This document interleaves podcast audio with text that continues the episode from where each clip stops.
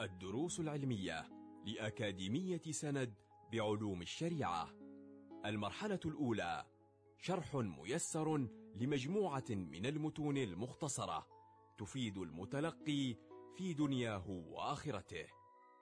مقرر الفقه شرح كتاب سفينة النجاة مع الشيخ أبي بكر الخطيب. بسم الله الرحمن الرحيم. الحمد لله رب العالمين. وبه نستعين على أمور الدنيا والدين وصلى الله على سيدنا محمد وعلى آله وصحبه وسلم.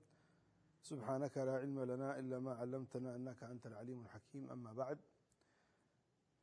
فقد كان الحديث في الدرس الماضي عن شروط جمع التقديم وشروط جمع التأخير. وقبل أن ننتقل إلى الفصل الثاني الذي هو شروط جمع وشروط القصر شروط القصر سيذكرها الشيخ. نذكر مسألة متعلقة بما مضى وهي الجمع بالمرض. اختار الإمام النووي رحمه الله تعالى وغيره من العلماء أنه يجوز الجمع بالمرض أو يجوز الجمع يجوز الجمع بالمرض تقديما وتأخيرا. تقديما إذا اجتمعت الشروط الجمع التقديم بشروط جمع التقديم وتأخيرا بشروط جمع التأخير التي تم ذكرها. إلا أنه ليس أي مرض ولكن المرض الذي يشق معه فعل كل فرض في وقته مشقة تبيح الجلوس في الفرض. مشقة تبيح الجلوس في الفرض.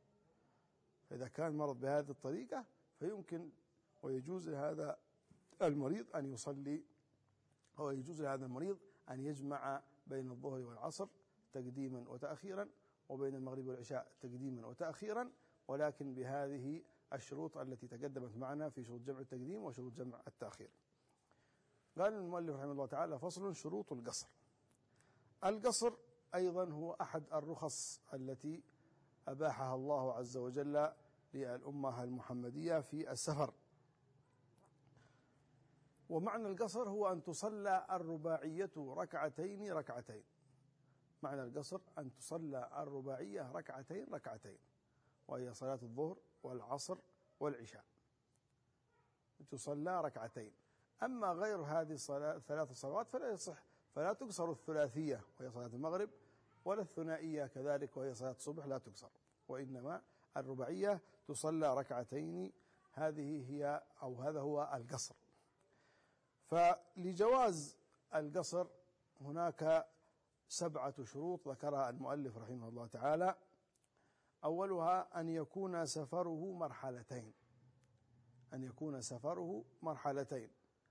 أما أن يكون السفر أقل من مرحلتين فلا يجوز. ومعنى مرحلتين هم أي اليومين. المرحلتان هما اليومان المعتدلان.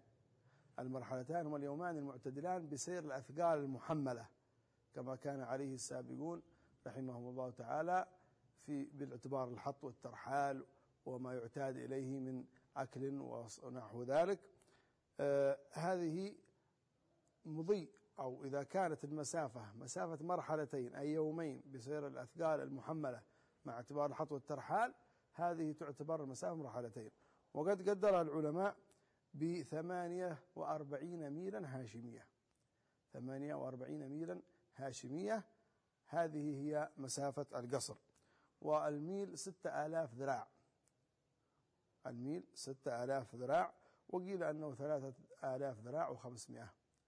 ولذلك قدر بالكيلو الكيلومترات التي يعتادها الناس في هذا الزمن تقاس بها المسافات بنحو سبعة وسبعين كيلومترا وقيل اثنين وثمانين كيلومترا.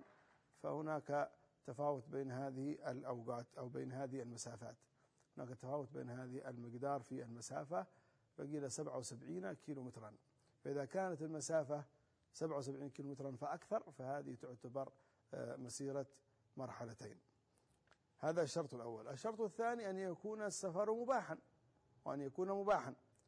ومعنى السفر المباح أي الذي ليس بمحرم. السفر المباح هو الذي ليس بسفر معصية. أما لو كان السفر نشأ لقصد المعصية فلا يجوز لصاحبه أن يقصر في الصلاة. كمن سافر ليقتل ظلما أو سافر ليسرق أو نحو ذلك من المعاصي نسأل الله العافية والسلامة. فلا يجوز له أن ولا يترخص له السفر. لا يترخص له لا يجوز له أن يقصر ولا يترخص في القصر قط. لماذا؟ لأن سفره معصية وليس سفر طاعة بل ولا مباحا حتى. نسأل الله العافية والسلامة.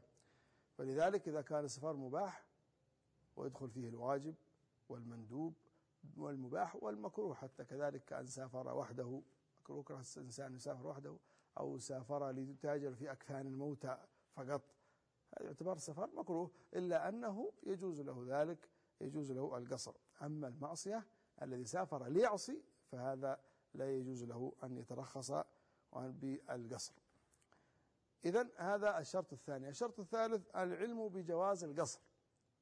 يشترط للمريد القصر أن يعلم بأن القصر جائزا. فلو رأى الناس يقصرون وهو لا يدري هو جائز فصلى مثلهم فلا تصح صلاته الشرط الرابع نية القصر عند الإحرام. نية القصر عند الإحرام مباشرة ليس فقط في الأثناء بل عند الإحرام. حينما يحرم أصلي الظهر قصرا. أصلي العصر قصرا. أو أصلي الظهر ركعتين. فنيته عند الإحرام شرط من شروط صحة القصر وإلا لا يصح. فلو لم ينوي عند الإحرام أتمها أربع ركعات. الشرط الخامس أن تكون الصلاة رباعية. أن تكون الصلاة رباعية وهي الظهر والعصر والعشاء. الشرط السادس دوام السفر إلى تمامها. أن يكون السفر مستمرا إلى تمامها. فلو وصل إلى حيث يريد إلى محل إقامته في أثنائها أتم. أو نوى الإقامة مثلا. كان مسافرا وصل إلى بلدة يريد أن يذهب منها إلى غيرها في سفر طويل. فلما كان في تلك البلاد وفي أثناء الصلاة عزم على أن يتم على أن يقيم في هذا البلد. عزم على الإقامة في هذا البلد أربع أيام صافية. عزم على الإقامة في هذا البلد أربع أيام غير يوم يدخل الخروج. هذه النية للإقامة جعلته الآن مقيما. إذا انتهى السفر. فما معه إلا أن يتم الصلاة ولا يصليها قصرا بل يتمها أربع ركعات. الشرط السابع ألا يقتدي بمتم في جزء من صلاته. يشترط أن لا يقتدي بمتم في جزء من صلاته. فلو اقتدى بشخص وهذا شخص متم للصلاة مصلي أربع ركعات وهذا المأموم يريد أن يقصر فبمجرد ارتباطه بهذا الإمام الذي يتم يجب عليه أن يصليها أربع ركعات. حتى ولو وجده في آخر صلاته. فلو جاء مثلا شخص يريد أن يصلي الظهر قصرا. فوجد شخصا يتم الصلاة. ولكن هذا الإمام صار في الركعة الأخيرة الرابعة وهو في التشهد. فأحرم خلفه قصرا. فبمجرد أن يحرم ويقتدي بهذا المتم يصبح الآن واجب عليه أن يكون أن يتم الصلاة لا يقصرها. فلهذا يجب أن لا يقتدي بمتم في جزء من صلاته وإن قل. بل يصلي خلف شخص يقصر مثله أو هو يصلي إماما بمن أراد أن يتم. أما أن يقتدي هو بمتم فهذا مما لا يجوز لأنه شرط من شروط صحة القصر أن لا يقتدي بمتم في جزء من صلاته حتى تكون. هذه شروط القصر التي أشار إليها الشيخ رحمه الله تعالى.